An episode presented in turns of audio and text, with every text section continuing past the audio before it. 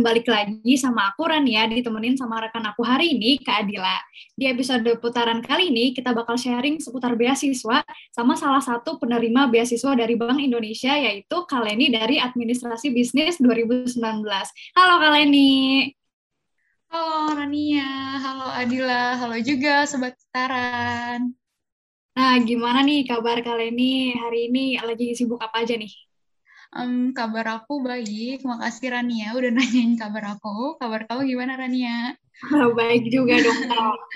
iya, semoga baik-baik selalu ya. Kalau buat uh, kesibukan aku sekarang, itu sih aku lagi sibuk gini sih, aku lagi bahas jurnal penelitian gitu. Jadi aku lagi sibuk ngurus penelitian aku dan tugas-tugas kuliah seperti biasanya. Itu sih kalau kesibukan aku sekarang, Rania. Wow, lagi bikin jurnal penelitian ya Kak, mantap-mantap.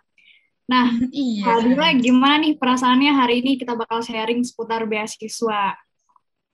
Um, aku kalau boleh jujur aku beneran senang banget sih Ran karena um, ketika aku keterima beasiswa pada waktu itu, aku tuh kayak punya impian gitu loh. Kayak setelah aku bisa keterima beasiswa, aku pengen banget gitu bisa sharing-sharing tentang pengalaman aku buat dapat beasiswa ini ke orang-orang banyak gitu.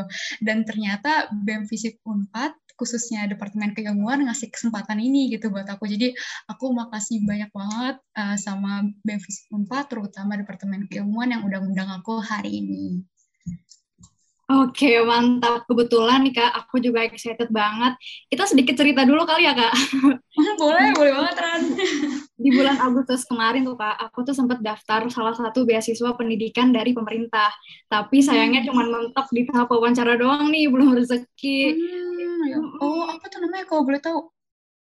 Uh, beasiswa unggulan kalau nggak salah namanya dari oh, Kemendikbud. iya iya iya. Aku tahu aku tahu. Iya iya beasiswa unggulan benar-benar dari Kemendikbud. Hmm, makanya begitu tahu di episode kali ini aku bakal ngobrol langsung sama salah satu penerima beasiswa. Aku excited banget nih. Terima kasih ya kalian ini udah datang malam ini. Iya, sama-sama Rania. Aku juga makasih banget loh. Sip, kita langsung ke pertanyaan pertama aja kali ya. Menurut ya, kalian ini, seberapa penting beasiswa untuk kita di dunia perkuliahan? Hmm, kalau menurut aku pribadi sih buat dapetin beasiswa sama kuliah penting banget sih. Karena um, mungkin aku bahas dulu kali ya dari secara segi dari segi finansialnya. Kalau menurut aku dapetin beasiswa selama kuliah itu kan yang seperti kita tahu kuliah itu kan kita mengeluarkan biaya kuliah ya setiap semesternya. Dan biaya kuliah ini ada sebagian mahasiswa yang menjadi tanggungan, tanggungan orang tua, ada juga yang menanggung biaya kuliahnya itu sendiri. Nah, dengan ada yang mendapatkan beasiswa ini, itu sangat amat meringankan um, biaya kuliah kita sih, gitu. Dan uh, bahkan tuh ada juga beasiswa yang ngecover uh, seluruh UKT kita, dan ada juga yang ngasih uang pembinaan gitu setiap bulannya. Bahkan ada juga yang ngasih tuh uh, fasilitas berupa asrama dan sebagainya. Jadi tuh sangat membantu banget sih buat dari secara finansialnya. Nah, kalau dari uh, secara non finansial, kenapa beasiswa itu penting? Karena ketika kalian udah mendapatkan beasiswa nih, biasanya tuh si lembaga yang memberikan beasiswa ini dia memberikan benefit gitu, seperti pengembangan diri kita, baik itu dari soft skillnya atau hard skill ataupun dari segi kepemimpinan kita juga uh, juga apa ya di di apa sih di dibimbing gitu sama beasiswa sama si lembaga beasiswa itu. Itu sih yang kenapa beasiswa itu penting buat aku. Dan yang terakhir ini yang aku rasakan ya uh, beasiswa itu penting karena buat aku dia tuh menjadi salah satu langkah yang membuat kita tuh uh, lebih memahami diri kita gitu karena selama proses uh, dalam pendaftaran beasiswa itu kan ada tahapan-tahapannya ya. Nah di tahapan-tahapan itu tuh yang secara nggak langsung aku menyadari bahwa beasiswa itu menuntut kita tuh lebih memahami diri kita, memahami sebenarnya tuh apa sih goals kita ke depan, apa sih yang um, menjadi tujuan kita yang saat ini kita miliki dengan latar belakang pendidikan yang ada gitu. Jadi itu yang menurut aku um, betapa beasiswa itu penting dan juga proses mendapatkan beasiswa itulah yang mengajarkan kita untuk lebih memahami diri kita sendiri. Itu sih yang menurut aku kenapa uh, kalian tuh harus banget bisa dapetin beasiswa selama kuliah gitu. Waduh, mantap banget Kak. Berarti selain dari penting secara finansial ya, ternyata beasiswa juga, itu juga bisa ningkatin soft skill kita masing-masing. Menarik nih. Tapi menurut kalian ini sendiri setelah mendapatkan beasiswa dari Bank Indonesia ini, hmm. benefit khusus untuk diri pribadi kalian itu apa aja sih yang kalian rasain? Uh, kalau uh, benefit khusus yang aku rasain ya, uh, kalau yang tadi secara finansial mungkin tadi udah aku singgung dikit gitu. Uh, kalau iya kalau di Bank Indonesia itu uh, aku dapat uang pembinaan setiap bulan, tapi ditransfer itu tiap semester. Dan uh, uang yang diberikan oleh Bank Indonesia ini tuh cover bisa nge-cover UKT aku semua dan bahkan tuh ada lebihnya gitu yang bisa aku jadiin buat uang saku aku per bulan gitu. Jadi aku sangat uh, terbantu sekali sih untuk keringanan biaya kuliah yang juga bisa meringankan uh, tanggungan orang tua aku gitu. Itu benefit yang secara finansialnya. Nah, kalau benefit secara non finansial yang aku rasain dari sebagai penerima beasiswa Bank Indonesia itu uh, jadi ketika aku diterima sebagai penerima beasiswa ini, aku tuh dimasuk masukin ke komunitas eh, beasiswa Bank Indonesia, namanya itu Genbi. Nah, Genbi ini kepanjangan dari Generasi Baru Indonesia. Nah, kalau di tempat ini namanya Genbi 4. Nah, kalian bisa banget kepoin Genbi 4 di Instagram buat kalian yang pengen cari tahu tentang seputar beasiswa Bank Indonesia. Nah, di Genbi ini yang aku rasain, aku tuh dapetin banget benefit di pengembangan dirinya gitu. Karena di Genbi ini menawarkan program-program kerja gitu seperti uh, karir hack one on one, digital building gitu. Terus uh, di sini juga aku ngerasain di Genbi ini ya kayak aku tuh uh, jadi mengenal orang-orang yang ada di Unpad yang selain di jurusan aku gitu. Jadi memperluas networking aku juga gitu. Dan um, di Genbi ini dia sangat care tentang aktivitas kepedulian sosialnya sih karena memang uh, utama dari kalian sebagai penerima beasiswa Bank Indonesia itu uh, diutamakan bagi orang-orang tuh yang punya pengalaman uh, aktivitas sosial gitu uh, sosial kemasyarakatan. Nah dari sini juga tuh program kerja si Genbi ini juga sangat terfokus terhadap kepedulian sosial. Itu juga sih yang aku senengin karena dari situ uh, aku tuh jadi suka banget gitu ngembangin diri aku yang bisa lebih ke arah kemasyarakatan gitu. Dan di sini juga ada um, leadership camp nantinya buat aku sih belum belum ngerasain sih yang leadership camp ini tapi nanti bakal ada karena aku kan juga baru kan sebagai penerimanya jadi nanti tuh ada leadership camp di mana leadership camp ini tuh nanti aku bakal bareng-bareng sama anak genbi dari luar kampus lain. Di sini nanti kita bakal belajar lebih dalam lagi tentang kepemimpinan. Itu sih benefit yang aku rasain selama menjadi penerima beasiswa Bank Indonesia. Gitu Rania. Wow, berarti selain mendapatkan dana pendidikan nih, kali ini juga dapat banyak pengalaman ya kayak tadi leadership camp sama berbagai program kerja di komunitas penerima beasiswa itu ya kayak. Aduh, ya, jadi pengen ikutan. nah, harus daftar sih ntar.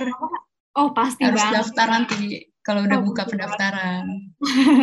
nah, uh, masih berhubungan nih sama pernyataan aku sebelumnya, apa aja sih proses dan persiapan yang harus dilakukan dan disiapkan saat seleksi beasiswa nih? Oh, Oke, okay. jadi untuk uh, proses beasiswa Bank Indonesia ini sebenarnya standar seperti beasiswa pada umumnya. Itu ada dua tahap. Pertama itu ada tahap administratif dan yang kedua ada tahap wawancara. Nah ini mungkin aku bahas dulu ya dari yang tahap pertama, tahap administratif. Nah di tahap administratif ini ada syarat-syarat yang harus dipenuhi. Uh, contohnya itu mahasiswa aktif, terus mahasiswa yang telah menyelesaikan minimal 40 SKS, mahasiswa yang sedang berada di semester 4 dan semester 6 terus uh, ada minimal IPK-nya juga yang harus dipenuhi. Itu kalau beasiswa unggulan minimal IPK-nya 3,5. Kalau yang beasiswa reguler itu 3,0. Kayak gitu. Nah, kalau misalnya yang di persyaratan berkas-berkas itu uh, sebenarnya kan di beasiswa Bank Indonesia ini ada beasiswa Bank Indonesia yang unggulan dan beasiswa Bank Indonesia yang reguler. Nah, sebenarnya buat berkas-berkasnya mereka hampir sama, cuman mostly itu perbedaannya di bahasa gitu. Kalau yang uh, reguler bahasa Indonesia, kalau yang unggulan itu lebih banyak diminta dibuat dalam bahasa Inggris. Nah, berkas-berkasnya itu ada CV, motivation letter, career path, gitu. Terus ada surat rekomendasi dari dua tokoh, tokoh akademik dan non akademik.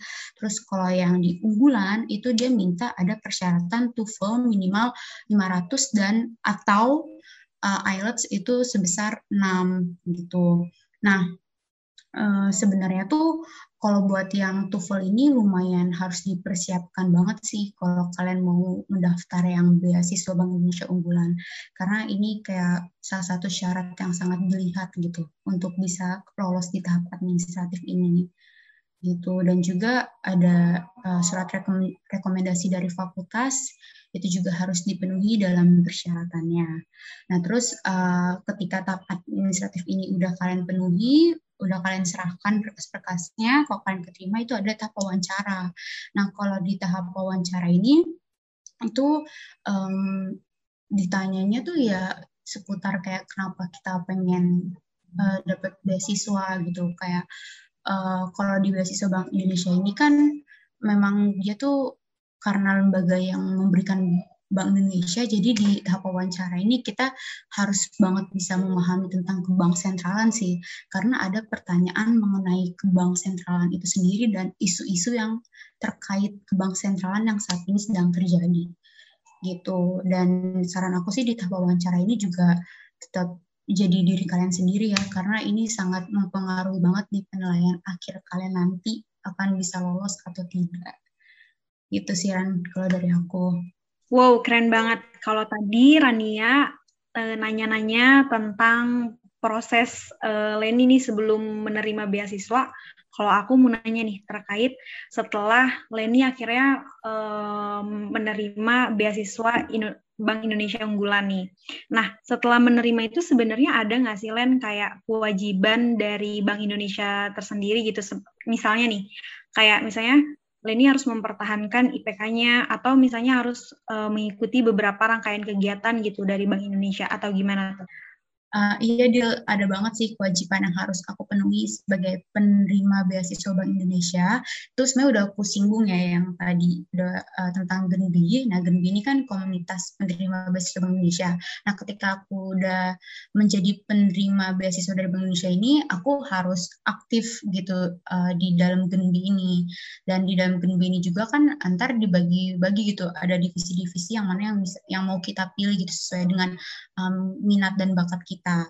Kalau dari aku sendiri tuh aku masuknya di divisi ekonomi dan kebang sentralan.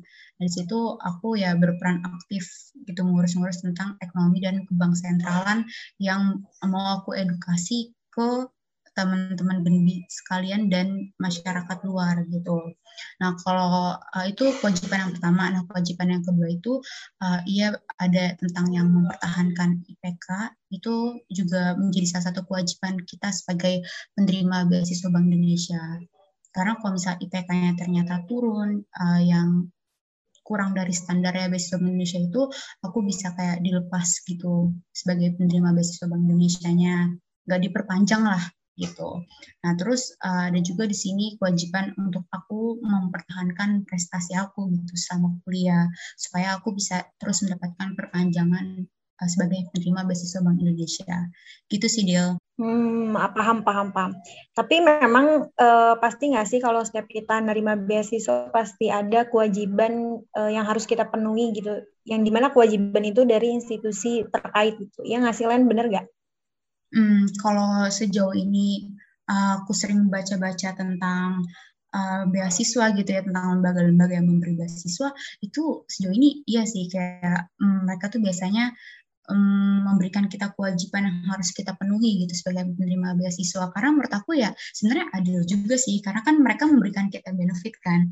Kita juga pasti harus ada dong sesuatu benefit kita nih yang bisa kita berikan terhadap mereka gitu. Jadi um, menurut aku Iya, iya sebagian besar pasti beasiswa akan memiliki kewajiban yang mereka berikan kepada penerima beasiswanya gitu. Oke, nah Len, sebenarnya uh, gimana sih Len cara milih beasiswa yang baik gitu? Atau uh, dalam konteks uh, bagaimana sih kita, uh, caranya kita gitu milih beasiswa yang bisa dipercaya gitu? karena uh, kalau aku sendiri kayak aduh takut banget nih nyoba-nyoba beasiswa gitu dan nggak bisa gitu dicari ini gimana ya caranya yang nyari yang benar-benar bisa dipercaya kalau Leni sendiri gimana tuh? Ah, oke oke.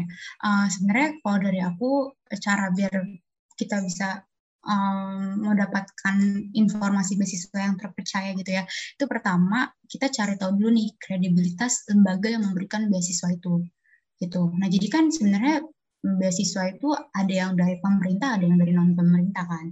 Itu kita kayak harus mencari tahu banget nih apa aja sih jenis-jenis beasiswa yang diberikan dari pemerintah sama non pemerintah. Nah kalau yang pemerintah aku bisa kasih contohnya tuh kayak LPDP, terus yang tadi Rania udah sempat singgung di awal beasiswa unggulan yang dari Kemdikbud, terus ada Jabar Future Leader juga, ada beasiswa Dikti. Nah itu hmm, itu menurut aku terpercaya sih karena itu kan dari pemerintahan. Nah kalau yang dari non pemerintah itu kayak ada beasiswa Jarum, BCA, CMB Niaga gitu dia juga memberikan bantuan beasiswa. Nah itu yang dari non pemerintah uh, kalian harus banget sih cari tahu gitu seluk beluk dari uh, lembaga yang memberikan beasiswa ini tuh dari mana sih? Kalau bisa bahkan kalian tuh tanya gitu ke orang-orang yang sebenarnya mereka tuh udah pernah dapetin beasiswa ini biar kalian tuh tahu gitu sebenarnya uh, beasiswa ini tuh kayak apa sih? Ketika udah nerimanya uh, bakal ada benefit apa yang dirasakan dan kita tuh harus memenuhi kewajiban apa? Gitu. Terus uh, untuk memastikan beasiswa itu terpercaya dan beasiswa itu baik untuk diri kita menurut aku uh, penting banget sih untuk kita mencocokkan beasiswa itu dengan kebutuhan yang kita mau gitu. Nah, kenapa aku bisa bilang untuk mencocokkan kebutuhan yang kita mau? Karena terkadang um, sebagai penerima beasiswa gitu ya, itu ada kewajiban kontrak kerja gitu loh setelah kalian menyelesaikan studi studi perkuliahan. Nah, terkadang kan kalau misalnya kontrak kerja itu nggak sesuai dengan tujuan masa depan kita, kan kayak ya nggak enak banget dong kalau dijalanin ya kan jadi menurut aku penting banget nyari beasiswa yang sesuai dengan kebutuhan dan kalian tahu kalau diri kalian tuh emang bisa mampu gitu memenuhi kewajiban-kewajiban yang uh, diharuskan dari si lembaga pemberi beasiswa itu Iya sih bener banget Len. Kalau misalnya kita mau nyari yang memang terpercaya banget, memang harus didasarkan atas sumber-sumber yang kredibel nggak sih? Soalnya banyak banget kan kayak nemu di Instagram ini tuh. Terus akhirnya kayak oh ternyata nggak maksudnya nggak sesuai gitu uh, benefitnya dengan apa yang nantinya kita akan terima gitu. Iya nggak sih Len? Bener gak? Iya, betul betul betul banget gitu. Aku juga kayak sempat gitu sih kayak lihat di Instagram ada banyak yang kayak beasiswa beasiswa gitu kan kayak info-info beasiswa tapi kayak uh, kok kayak apa jarang denger ya nama si lembaga yang pemberinya gitu. Nah itu kayak kalau misalnya kalian udah rada ragu-ragu nih kayak kok kayak namanya kayak kurang terkenal nih instansi pemberinya gitu ya. Itu kayak penting banget buat kalian nyari tahu gitu. Jangan asal kayak terpancing dengan nama beasiswanya itu gitu. Terpancing dengan benefit yang mereka berikan eh, sebesar uang berapa nominalnya gitu. Jangan terpancing sih menurut aku kayak penting banget kita pastiin dulu si kredibilitas lembaga itu. Gitu dia. Oke, mantep banget nih. Boleh dong Len, kasih tips and triknya nih Len buat uh, Kema Visip biar bisa nih lulus beasiswa. Karena kita semua tahu lah lulus beasiswa harus bersaing dengan se-Indonesia mungkin hmm. bisa jadi dan itu susah banget kan. Nah, boleh dong Len uh, kasih tips uh, and triknya nih gimana? Hmm, oke okay, oke. Okay. Kalau tips and trick dari aku, pertama tuh uh, penting banget kita set goals dulu nih. Kita tuh mau dapat beasiswa apa aja sih bisa kita list gitu dulu. Aku kayak gitu soalnya aku dari semester 2 aku tuh udah ngelis gitu aku mau dapat beasiswa apa aja. Itu penting banget sih kita kayak udah punya goals apa aja beasiswa yang mau kita dapetin. Nah setelah kamu udah nge-wishlist gitu kan tentang beasiswa yang mau kamu dapetin, itu kamu cari tahu nih kira-kira di beasiswa tuh persyaratannya apa aja sih yang dibutuhin dari tahun ke tahun gitu. Nah, karena terkadang ada persyaratan yang harus disiapin dari jauh-jauh hari. Contohnya kayak TOEFL gitu kan. Nah, TOEFL kan kalau misalnya kalian baru nyiapin uh, semasa proses uh, tahap administratif itu dibuka sebenarnya rada ada kewalahan juga kan karena kita harus nyari tempat TOEFL yang kredibel juga gitu dan kita juga harus belajar lagi dalam mengerjakan TOEFL-nya gitu jadi menurut aku uh, penting sih buat cari tahu persyaratan-persyaratan apa aja supaya kita bisa siapin lebih uh, dari jauh hari gitu. Nah, ketika kalian udah cari tahu nih tentang persyaratan-persyaratan apa aja yang biasanya beasiswa ini uh, diwajibin ke kita, itu selanjutnya kalian uh, catat nih gitu tanggal kapan aja biasanya beasiswa ini ngebuka pendaftaran gitu. Nah, ketika mereka udah ngebuka pendaftaran, uh, kalian uh, penuhi persyaratan yang diminta di tahap administratif gitu. Penuhin aja semuanya bener-bener kayak harus sesuai sama apa yang diminta gitu di tahap administratif. Dan jangan pernah patah semangat dalam mengumpulkan berkas-berkas administratif karena ini aku belajar dari pengalaman teman-teman aku ya itu mereka tuh di tahap administratif tuh udah banyak yang gugur gara-gara mereka tuh ma apa ya kayak capek gitu di tengah jalan ngurusin berkas administratif ini karena memang biasanya itu uh, di tahap administratif ini jangka waktunya itu kayak cuma seminggu doang gitu dibukanya dan uh, persyaratannya itu banyak dan terkadang tuh persyaratannya ini membutuhkan persetujuan dari fakultas. Nah, uh, kalau nah kalau kita mengurus berkas ke fakultas itu uh, harus ngurusnya kan nggak boleh mepet-mepet gitu kan. Nah jadi itu penting banget sih kayak kita harus ngeset waktu kita juga dalam mengurus uh, proses administratif ini gitu. Jangan sampai kalian keriuhan sendiri, kalian ribut sendiri terus akhirnya gagal gitu. Padahal udah di tengah jalan gitu. Habis itu uh, pas kalian udah memenuhi semua persyaratan yang diminta, uh, udah selanjutnya kalian tinggal menunggu aja berdoa semoga keterima nih di tahap administratif. Habis itu uh, untuk tahap selanjutnya tahap wawancara yang perlu kalian persiapin itu penting banget sih buat kalian nyari tahu gitu dari tahun lalu itu gimana sih pertanyaan-pertanyaan uh, di wawancara ini yang muncul. Karena dulu tuh aku begitu gitu. Aku tuh dulu saking kepengen dapat beasiswa Bank Indonesia ini aku tuh sebelum masuk ke tahap wawancara ya aku tuh nelpon nelponin uh, kakak kakak apa kakak tingkat yang di luar jurusan yang sebenarnya aku nggak kenal mereka siapa aku cari tahu mereka di Instagram aku DM aku minta nomor A-nya supaya kita teleponan karena aku pengen tahu banget mereka tuh waktu di tahap wawancara tuh ditanyain apa aja sih dan persiapan apa aja sih yang mereka lakukan gitu sebelum uh, melakukan tahap wawancara gitu. Dan itu sangat berguna banget gitu. Jadi kita kayak ada gambaran sebenarnya di wawancara ini yang kira-kira bakal ditanya sama si pewawancaranya itu apa dan yang harus kita persiapkan secara matang tuh apa gitu. Dan di tahap wawancaranya ini udah ketika kalian udah siap kan udah uh, tahu gitu ya setidaknya udah ada gambaran mau uh, akan seperti apa wawancaranya ya udah selanjutnya be yourself aja gitu ntar uh, semoga semuanya akan dilancarkan gitu kan. Uh, kalau kita udah percaya sama diri kita sendiri juga kita udah uh, berusaha secara maksimal dalam mempersiapkan diri kita. Itu uh, semoga ya semoga banget pasti bisa keterima. Gitu Adila. Wah, bener ya perjuangan Leni buat capai puncaknya tuh ini ya, Len bener-bener perlu perjuangan banget ya. Iya sih, dulu aku tuh kayak apa ya, semangat banget gitu loh dia saking kayak aku pengen banget ngerasain dapet beasiswa sama kuliah gitu. Kayak um, aku juga belajar banyak banget sih dari proses untuk keterima beasiswa ini. Pokoknya uh, kalau saran dari aku kalian uh, sama masih kuliah gitu ya uh, coba aja gitu daftar beasiswa. Karena selama kalian daftar beasiswa itu banyak proses yang bisa kalian petik lah bisa kalian pelajari untuk ke depan-depannya gitu. Gitu dia benar banget.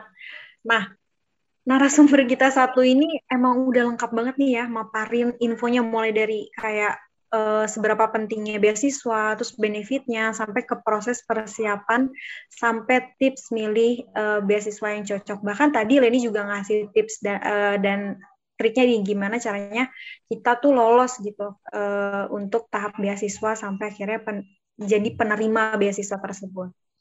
Nah, uh, Len ternyata kita udah di akhir nih. Cuman aku pengen tahu deh, uh, dari Rania sendiri gimana nih pembahasan kita hari ini, Ran? Waduh, pembahasan hari ini pastinya bermanfaat dan super insightful banget ya.